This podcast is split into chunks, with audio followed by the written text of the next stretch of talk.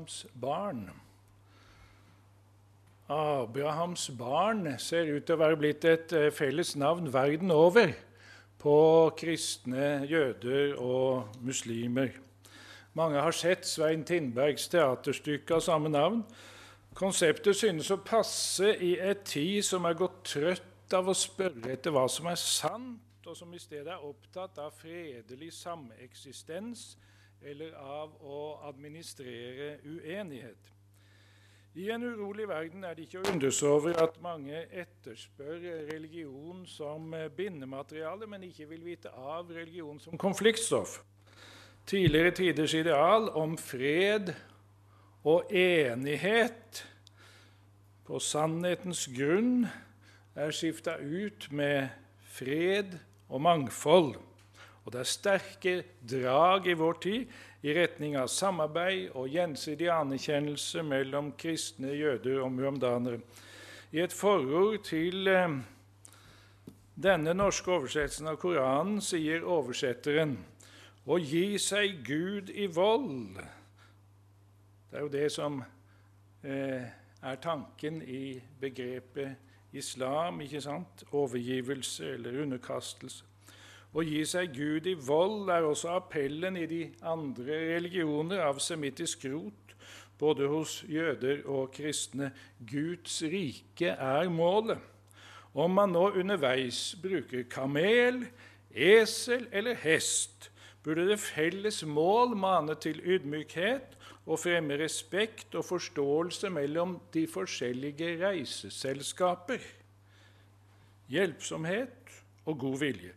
Oversetteren, som personlig har Jesus Kristus som reisefører, sier han, har hatt en rik tid med dette arbeidet, måtte denne koranoversettelsen fremme respekt og forståelse for dem som søker veien til Guds rike under islams fane. Sitat slutt. Samtidig som mange vil rygge tilbake for en så positiv omtale av muslimene, så ser vi at jødene ofte omfattes ukritisk, til tross for at en rabbinsk jøddom ikke er mindre negativ til evangeliet enn islam er. Det er ikke bare en følelse av kollektiv skyld for det europeiske folkemordet på jødene som ligger bak, men også en oppfatning av Israel og Abrahams barn som står i spenning til det som Det nye testamentet lærer. Abraham er vel nevnt noen og 70 ganger i Det nye testamentet. I alle evangeliene, i apostelgjerningene, hos Paulus og i Hebreerbrevet, hos Jakob og Peter. Hva er det med Abraham? Abraham er Guds venn. Det ligger kjærlighet i uttrykket. Jeg oversetter med 'Guds kjære venn'. Israel, min tjener, Jakob, som jeg utvalgte, etling av min kjære venn Abraham, sier Herren i Jesaja 41, 8. Din kjære venn Abraham, sier kong Josafat til Herren, 2. krønike 27. Himmelens Gud vant seg en venn blant mennesker. Det er forunderlig å tenke på. I denne storbyen, Ur Kaldea, der folk drev og surra med månedyrkelse, hørte Abraham kallet til å dra ut. I første omgang dro han med sin far, sin nevø og sin hustru til Karan. Da er vi i grensetraktene mellom Syria og Tyrkia i dag. Og etter farens død kommer kallet til å reise til Kanans land. Guds kall til Abraham for over 4000 år siden betød et stort vendepunkt i historien. Mot den mørke bakgrunnen som er tegna i urhistorien fra syndefallet, løft, så lyser løftet om velsignelse, som er det motsatte av forbannelse. Den åndelige velsignelsen av Abraham nota bene mottatt i tro, er grunnlag for den ytre velsignelsen i form av land og en etterslekt så utallig som støvet på jorda og stjernene under himmelen. Og det frelseshistoriske sikte er velsignelsen av alle jordens slekter. I deg skal alle jordens slekter velsignes, sa Herren. Det er løftet, det, om syndenes forlatelse for Kristi skyld og om Den hellige ånd. Som Peter sier det for nesten 2000 år siden, når historien igjen har nådd et stort vendepunkt, når skiftet fra den gamle til den nye pakt er fullendt, omvend dere, og enhver av dere la seg døpe på Jesu Kristi navn. Til syndenes forlatelse så skal dere få Den hellige ånds gave, for løftet hører dere til og deres barn, og alle dem som er langt borte, så mange som Herren vår Gud kaller til. Apostelgjerningene 2, 38 og 39. Abrahams reaksjon på Guds kall og løfte kan vi sammenfatte i de to orda tillit og lydighet. Tillit og lydighet. Jakob peker i sitt brev på både Abrahams tro og Abrahams lydighet når han minner om at Abraham ble kalt Guds kjære venn, Jakob 2. Men det kunne holde hardt. Både troen og lydigheten ble satt på de største prøver. Hvordan skulle Abraham og Sara, barnløse og gamle som de var, få en stor slekt etter seg? Og hvordan kunne Herren be Abraham om å ofre Isak? I første omgang ga Abraham og Sara etter for fornuftens innvending. Og Abraham fikk sønnen Ismail med trellkvinnen Hagar. Men i andre omgang hadde han lært å stole på at Herren har en løsning. Og her er det Jakob i sitt brev sier at Abrahams tro ble fullkommen ved hans gjerninger. Det var Gud sjøl som endra Abrahams navn til Abraham, far til en mengde. For, sa Gud, jeg gjør deg til far for en mengde folk. 1. Mosebok 17. Herren sier også at han utvalgte Abraham for at han skulle by sine barn og sitt hus etter seg, at de skulle holde seg etter Herrens vei og gjøre rett og rettferdighet, så Herren kunne la Abraham få det som var lovt han, 1. Mosebok 18, 19. Det er så visst ikke bare jødene som stammer fra fader Abraham. Abraham hadde mange sønner, men eh, vi hører jo mest om de to eldste, Ismail og Isak. Herren velsignet Ismail trellkvinnens sønn. Ismail fikk tolv sønner som ble etterhøvdinger og ble til et stort folk. Første Mosebok 17 og 25. Araberne regner seg som etterkommere av Ismail. Isak, løftet sønn, ble stamfar både til edomittene gjennom Esau og israelittene gjennom Jakob. Og I Første Mosebok 25,2 er nevnt seks barn som Abraham fikk med Keturah etter Saras død. Men det var Isak som arvet løftene. Min pakt vil jeg opprette med Isak, sa Herren. Herren ble altså Abrahams Gud, og Abraham ble Guds kjære venn. Og Abrahams Gud ble Isaks Gud og Jakobs Gud. De arvet løftene til Abraham. Jakob, ja, det er israelittenes stamfar. Og i sin nåde slutta Gud pakt med alle Israels tolv stammer da han hadde fridd dem fra trelldommen i Egypt. Fordi Herren hadde folket kjær, slik han har Abraham kjær.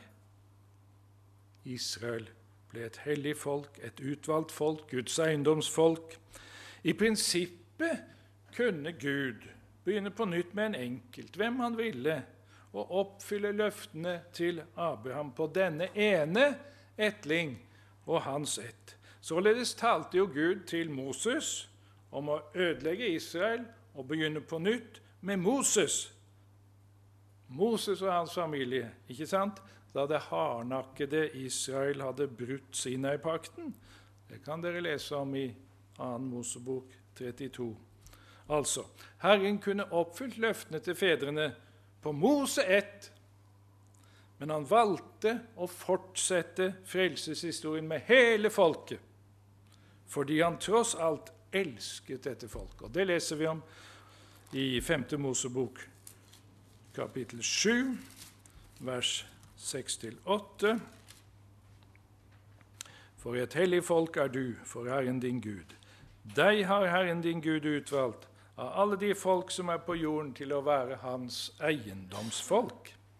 Ikke fordi dere var større enn alle andre folk, fant Herren behag i dere, så han utvalgte dere, for dere er det minste blant alle folk, men fordi Herren elsket dere og fordi han ville holde den ed han hadde svoret deres fedre. Derfor førte Herren dere ut med sterk hånd og fridde deg ut av trellehuset fra faraos, egypterkongens hånd.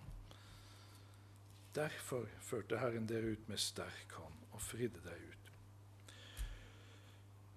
Men Gud strekker ut sine kjærlige armer til alle jordens slekter. Velsignelsen er for alle folk og mange skal komme fra øst og fra vest og sitte til bords med Abraham og Isak og Jakob i himlenes rike, Matteus 8,11. Abrahams ett, Isaks ett og Jakobs ett er instrument for velsignelsen av alle folk og etter den eh, gammeltestamentlige utvelgelseshistorien fra Noah via Abraham, via Isak, Jakob og Juda peker framover mot Davids sønn Jesus fra Nasaret. Det første skriftet i Det nye testamentet begynner også med disse ord Jesu Kristi, eller Jesu Messias, Davids sønns, Abrahams sønns ettertavle. Han er den Abrahams etling som alle jordens slekter blir velsignet i.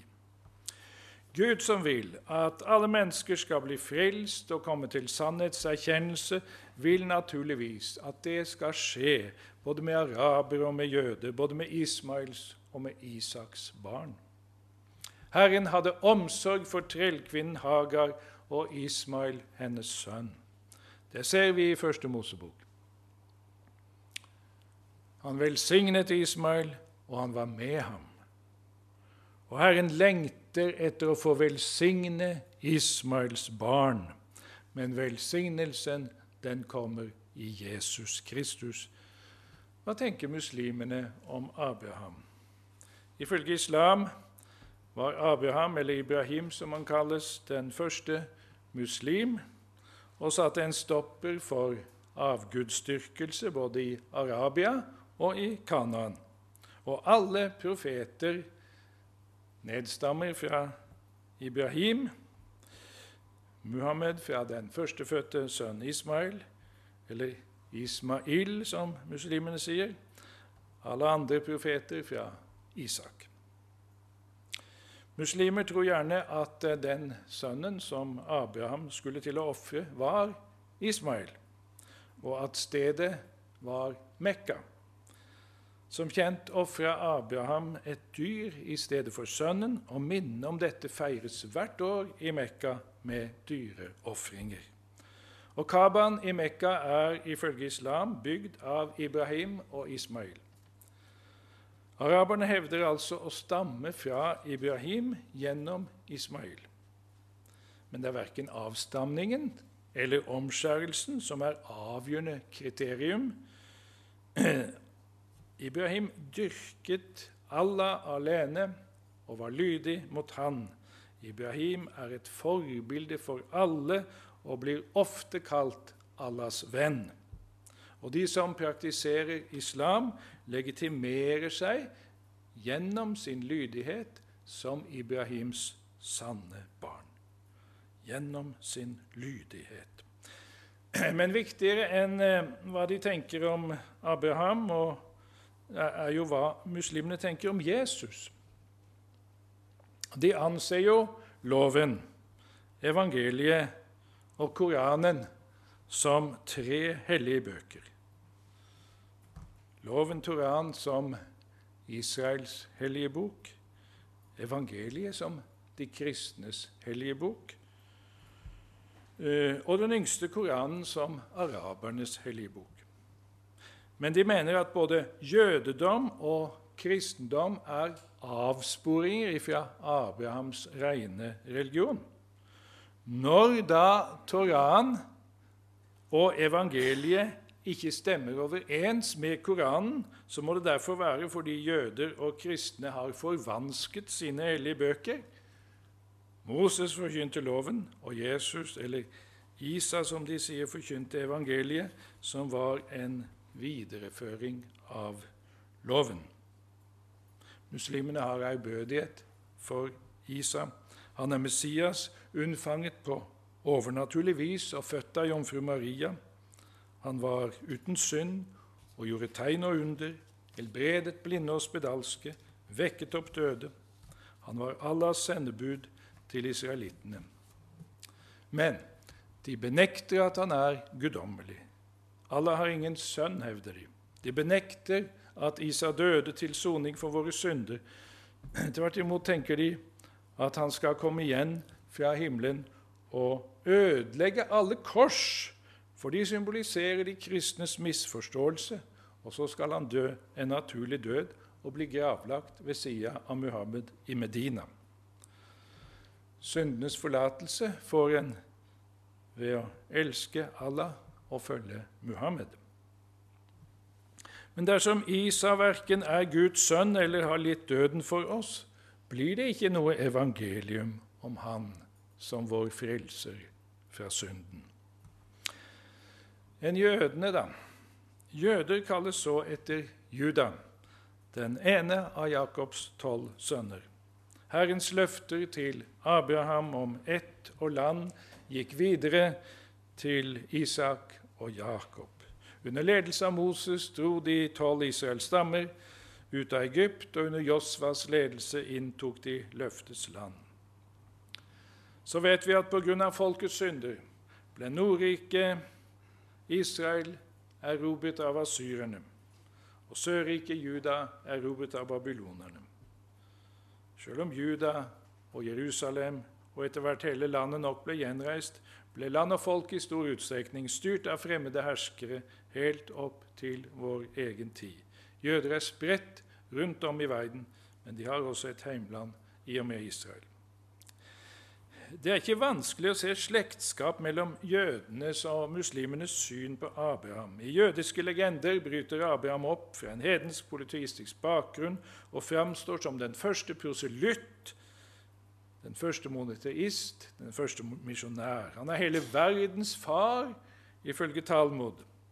Rabbinsk jødedom legger vekt på Abrahams lydighet. Han oppfylte både de bud som var åpenbart på hans tid, og de som ennå ikke var åpenbart, sies det. Mer og mer kom nok eh, mange jøder til å tenke at de for Abrahams skyld, for hans lydighets skyld, fikk del i Guds rike uansett hvordan de sjøl levde. Etter folkelig oppfatning var israelittene garantert del i Guds rike ved at Abraham hadde fortjent det. Omskjærelsen ble misbrukt som sovepute. Den rike mann i dødsriket som roper på fader Abraham, hadde jo aldri trodd at han skulle gå fortapt. Jeg vet at dere er av Abrahams ett, men hvis dere var Abrahams barn, så vil dere gjøre Abrahams gjerninger istedenfor å stå meg etter livet, sa Jesus i Johannes 8. Og Slik skiller også Paulus i Rombrevet 9 mellom avstamningen fra Abraham og det å være Abrahams barn. Det er nemlig forskjell på kjødets barn og løftets barn, som både er Abrahams barn og Guds barn. I Romerne 9 leser vi vers 6b-8.: For ikke alle som er av Israels ett, er derfor Israel. Heller ikke er alle fordi de er Abrahams ett, derfor hans barn.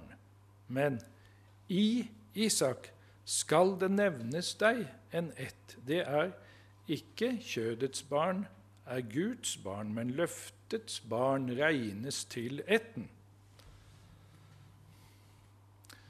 Den nasjonale undergangen, først for Nordriket Israel på 700-tallet, og så for Sørriket Juda på 500-tallet før Kristi fødsel, vitner om syndens alvor. Gjennom profetenes forkynnelse tegnes bildet av et gjenstridig folk som igjen og igjen bryter paktsbestemmelsene fra Sinai. Men det er en rest som blir frelst. Israels rest. Denne resten er det sanne Israel og Abrahams barn. Når døperen Johannes og Jesus står fram, så aktualiserer de spørsmålet om hvem som er Abrahams sanne barn. Hvem som er det sanne gudsfolket. Og Det nye testamentet lar oss ikke være det ringeste i tvil om svaret. Israels rest er Jesu disipler. Om når jødene stammer fra Abraham gjennom Isak og araberne fra Abraham gjennom Ismail, så er kristne mennesker Abrahams barn i åndelig mening. Av Judas stamme og i Davids ett kom Kristus til verden. Og Paulus insisterer på at Jesus er den Abrahams ett som Guds velsignelsesløfte er knytta til. I Han har løftene sitt ja og amen. Vi slår opp i Galaterbrevet.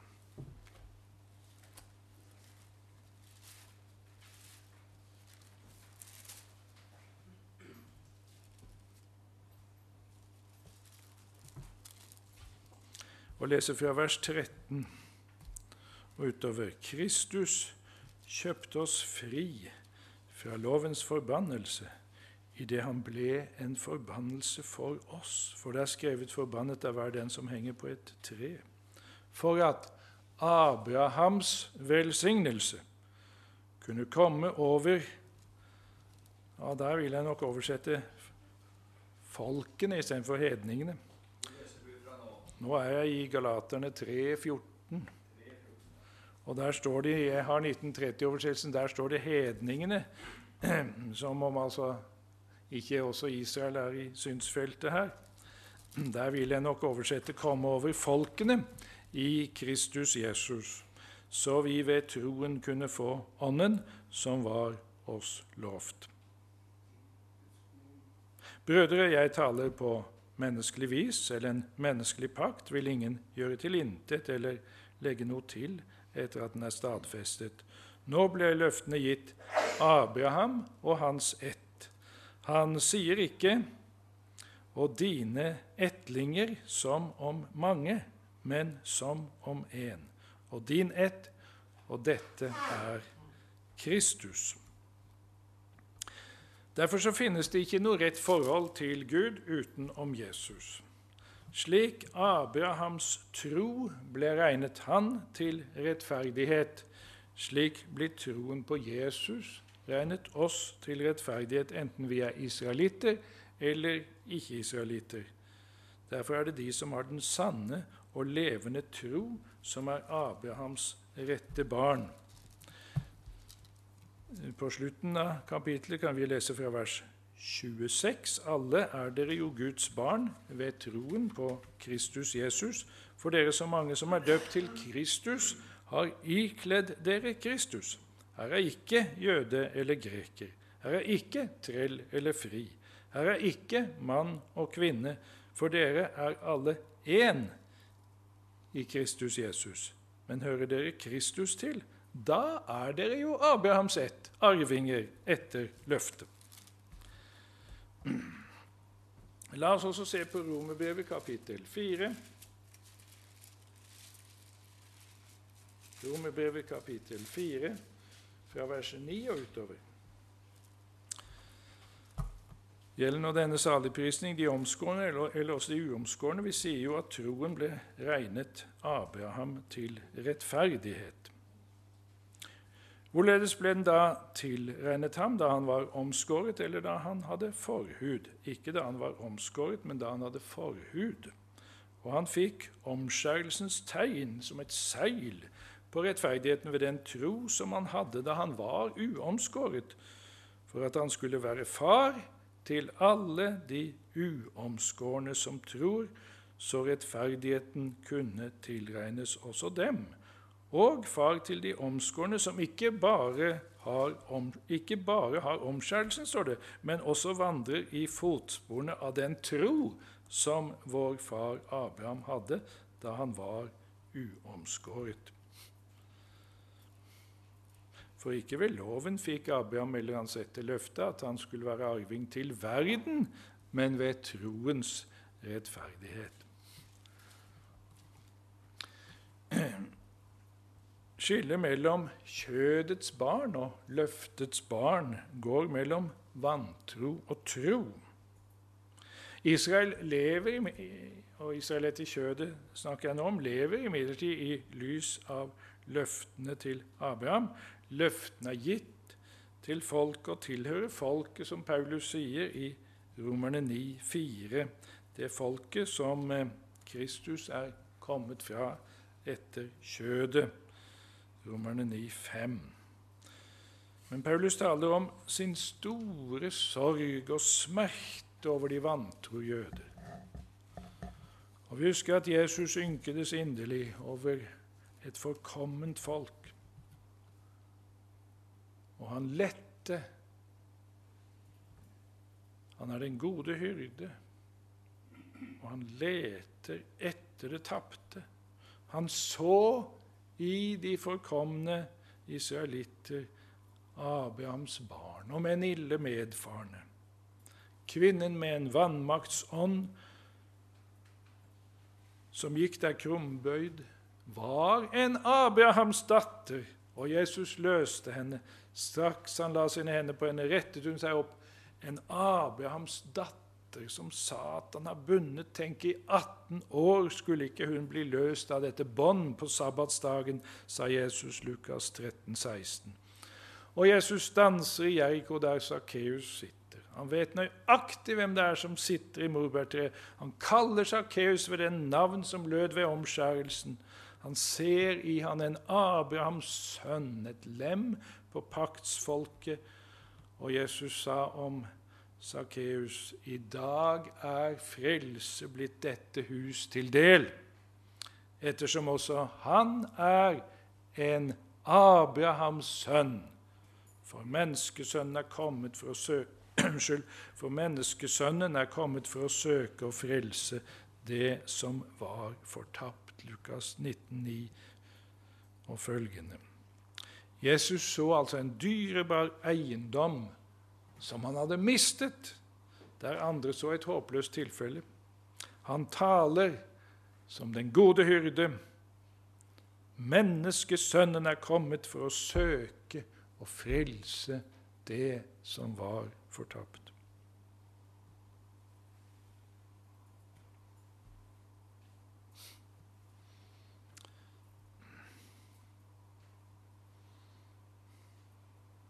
Apostlene forkynner at løftet til fedrene er oppfylt i Jesus. Og de formaner inderlig til å vende om til Han. I apostelgjerningene ser, apostelgjerningene ser vi at Peter kaller jødene for barn av profetene og av den pakt som Gud gjorde med våre fedre da han sa til Abraham:" Og i din ett skal alle jordens slekter velsignes. Apostelgjerningene 3.26. Overfor eh, jødenes rådsherre kalte Stefanus Abraham for vår far. Apostelgjerningene 7.2. Og Paulus kaller jødene i det pisidiske Antiokia for sønner av Abrahams ett. Apostelgjerningene 13.26.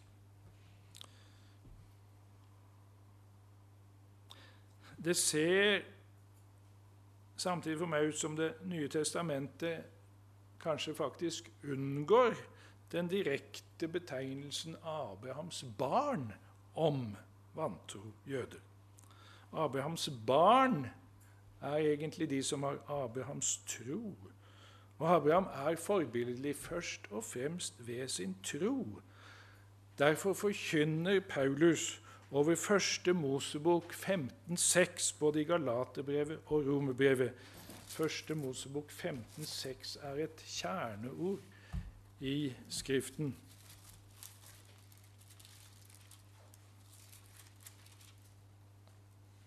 Og Abraham trodde på Herren, og han regnet ham det til rettferdighet. Og på sentrale strategiske steder i sin framstilling og argumentasjon Når han taler om rettferdiggjørelsen, så preker Paulus over dette. Dere kan se det i Galaterne 3, dere kan se det i Romerne 4. Abraham trodde på Herren, og han regnet ham det til rettferdighet. Derfor de som har tro, de er Abrahams barn, og de blir velsignet med den troende Abraham. Israel har løftet, derfor er evangeliet for jøde først, som Paulus sier i Romerbrevet. I Apostelgjerningen 13 sier han til jødene var nødvendig at evangeliet blir forkynt for dere først. Men siden dere ikke vil ta imot, så vender vi oss til hedningene. Det er ingen egen frelsesvei for jøder. Jesus er veien. Og Derfor må ikke kristne mennesker romantisere Israel og politisere profetier som Gud vil oppfylle i sin tid og på sin måte.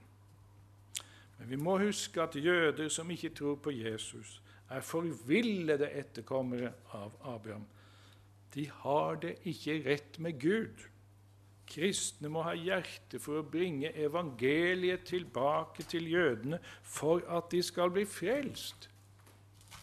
De jøder som lever nå, og som kanskje, og som kanskje er døde i morgen.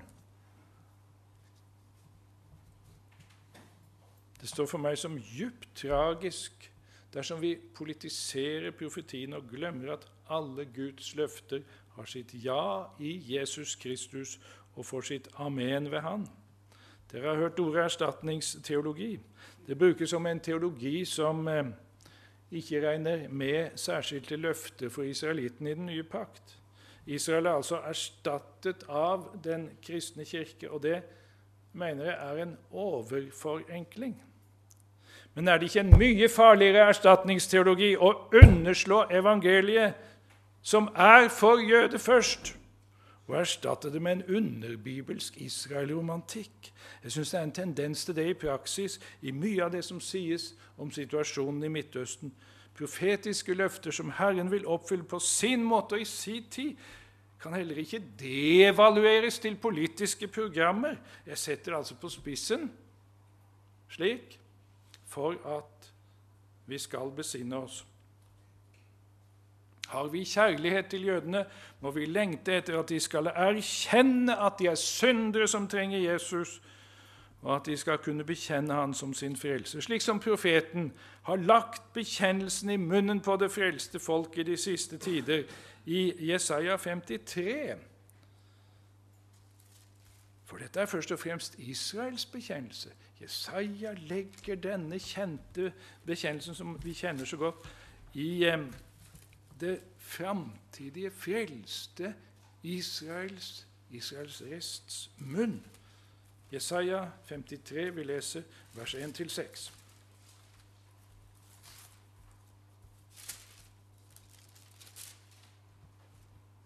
Hvem trodde det budskap vi hørte, og for hvem ble Herrens arm åpenbart? Han skjøt opp som en kvist for hans åsyn og som et rotskudd av tørr jord. Han hadde ingen skikkelse og ingen herlighet, og vi så ham, men han hadde ikke et utseende så vi kunne ha vår lyst i ham. Foraktet var han og forlatt av mennesker, en mann full av piner og velkjent med sykdom. Han var som en som folk skjuler sitt åsyn for, foraktet, og vi aktet ham for intet. Sannelig, våre sykdommer har han tatt på seg, og våre piner har han båret. Men vi aktet ham for plaget, slått av Gud og gjort elendig. Men han er såret for våre overtredelser, knust for våre misgjerninger. Straffen lå på ham for at vi skulle ha fred, og ved hans sår har vi fått legedom. Vi for alle vill som får, vi vendte oss hver til sin vei, men Herren lot våres alles misgjerninger ramme ham. Her bekjenner den framtidige frelste menighet av Israel sin villfarelse og sin tro på budskapet om Herrens lidende tjener. Herrens sterke arm var rakt ut til frelse gjennom den fornedrede tjeneren, men folket så det ikke. De var herlighetsteologer, ikke korsteologer.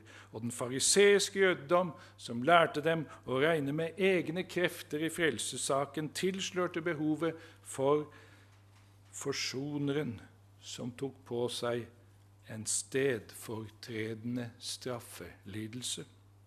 Sannelig, når Israel omvender seg til Jesus, blir de korsteologer. Og vi kan visst snu det om og si når Israel blir korsteologer, ja, da omvender de seg til Jesus. Derfor trenger Israel venner som kjenner korsets visdom. Løftene, sa Paulus i Galaterne 3,16, ble gitt Abraham og hans ett. Og Abrahams ett er noe underlig. Det er de utallige, og det er den ene. Utallig som jordens støv og himmelens stjerner, men også den ene, som Paulus sier det i Galateren 3,16. Han sier ikke 'og til dine etter' som om det gjaldt mange, men som når det gjelder én, og din ett, og dette er Kristus. Det høres visst rart ut på norsk, men det handler om det hebraiske ordet 'zara' og det greske ordet 'sperma'. Og zara eller sperma kan være både etterslekt og en enkelt etterkommer. Slik også i 1. Mosebok 3,15.: Kvinnens zara skal knuse slangens hode. Selve uttrykksmåten er åpen for oppfyllelse gjennom en enkel, enkelt person, en enkelt person.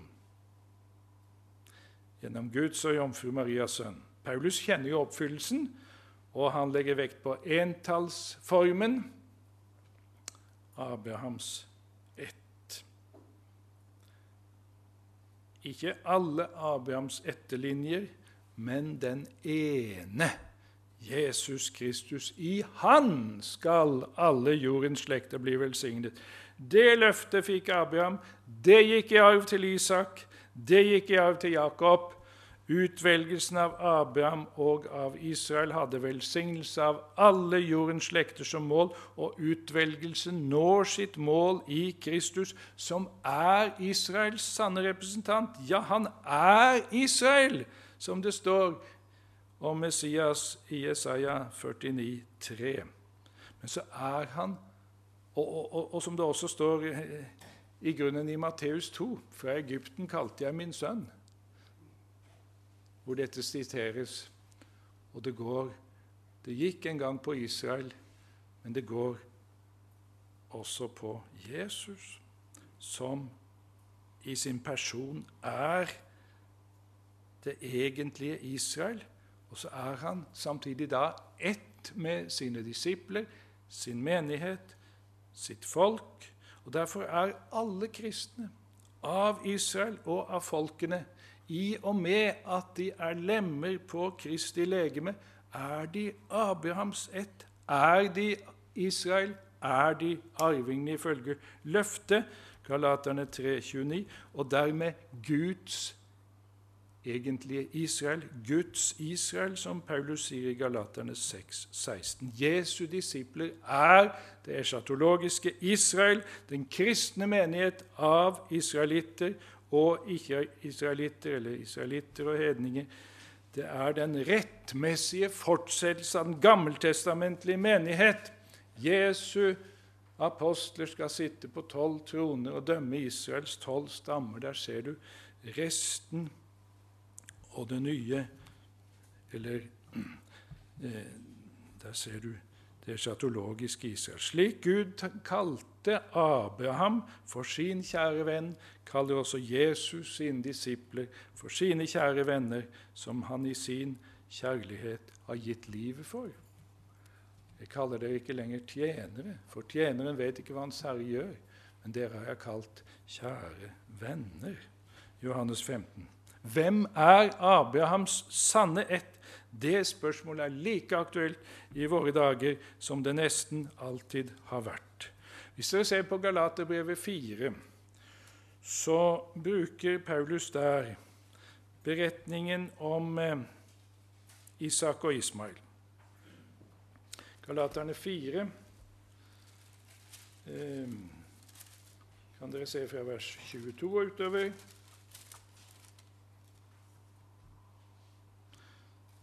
Det er jo skrevet at Abraham hadde to sønner, en med trellkvinnen og en med den frie kvinne. Men trellkvinnens sønn er født etter kjødet, den frie kvinnes derimot ifølge løftet. I utlegningen av beretningen om Isak og Ismael så trekker Paulus et skille, og det er ikke mellom eh, Ismaels og Isaks etterkommere. Det er ikke mellom jøde og araber, men det er mellom de som er født etter ånden, og de som er født etter kjødet.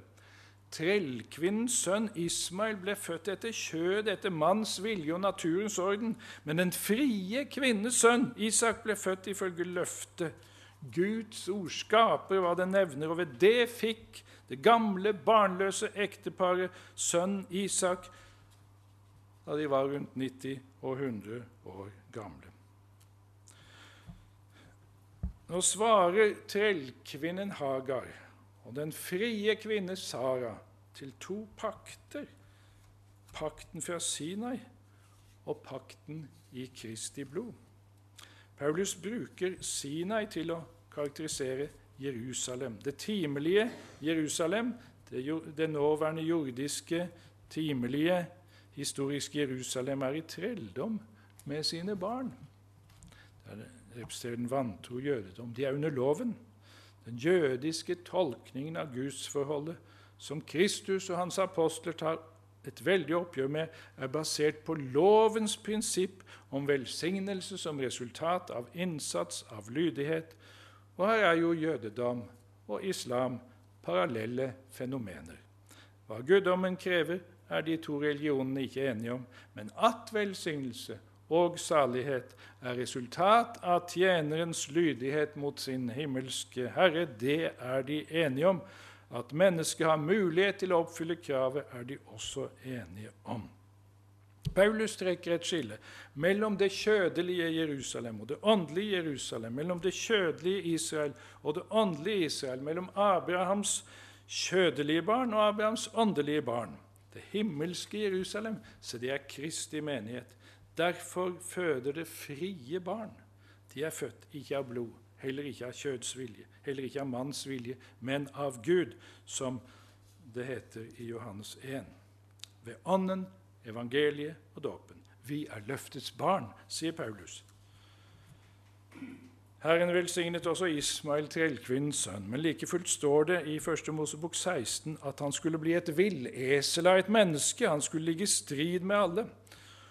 Og vi leser at han eh, forfulgte løftets sønn Isak. Paulus sier det her i Galaterne 4, eh, vers 29. Blir ikke det for oss et bilde på trellesinnet? Et villesel av et menneske i strid med alle forfølger løftets sønn. Bak religiøs, eller til og med kristelig ferniss, har du det sta og ville eselet som bare motvillig gjør sine plikter.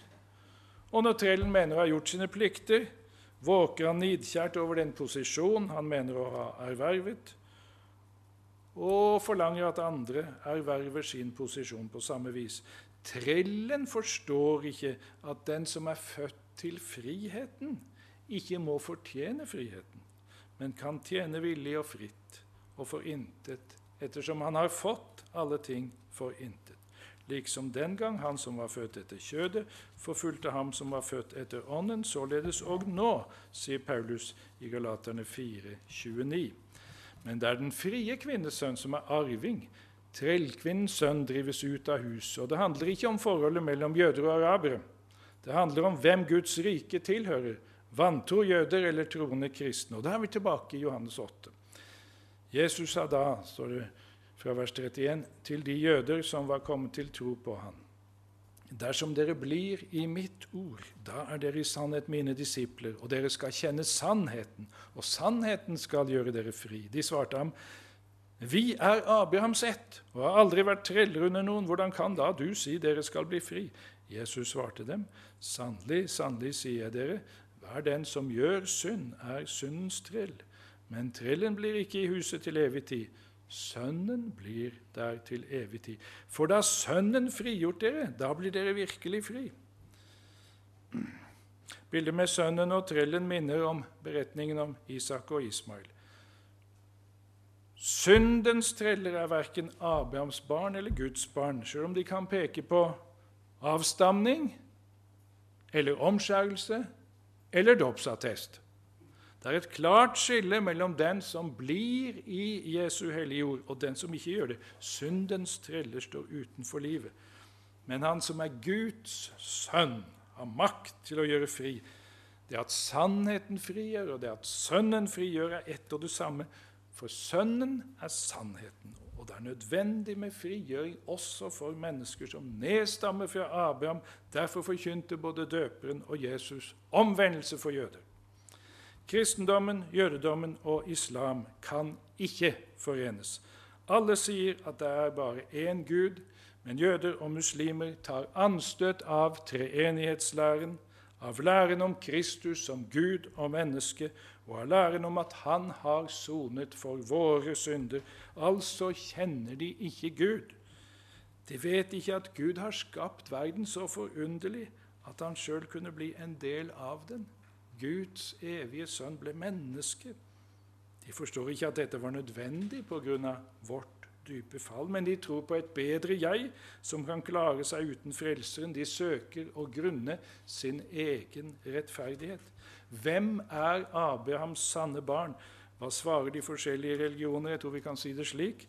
Jødedom, muhamdanisme og kristendom svarer alle at Abrahams barn legitimerer seg ved omskjærelse, tro og lydighet. Jøden vil kanskje framhøre omskjærelsen, muslimen lydigheten.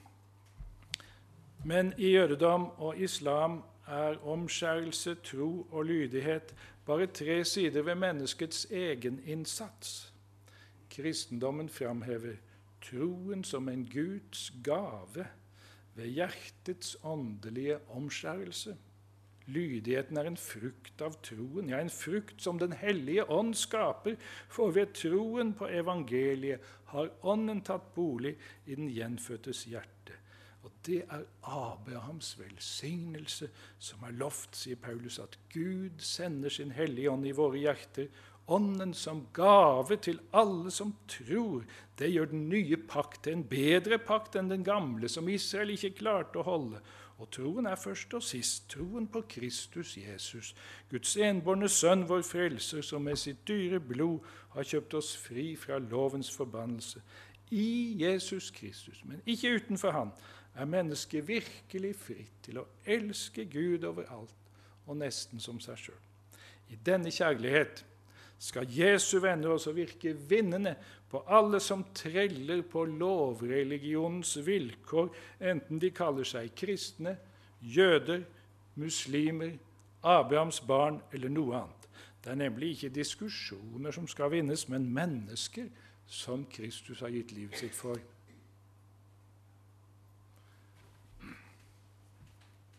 Har vi tid til det?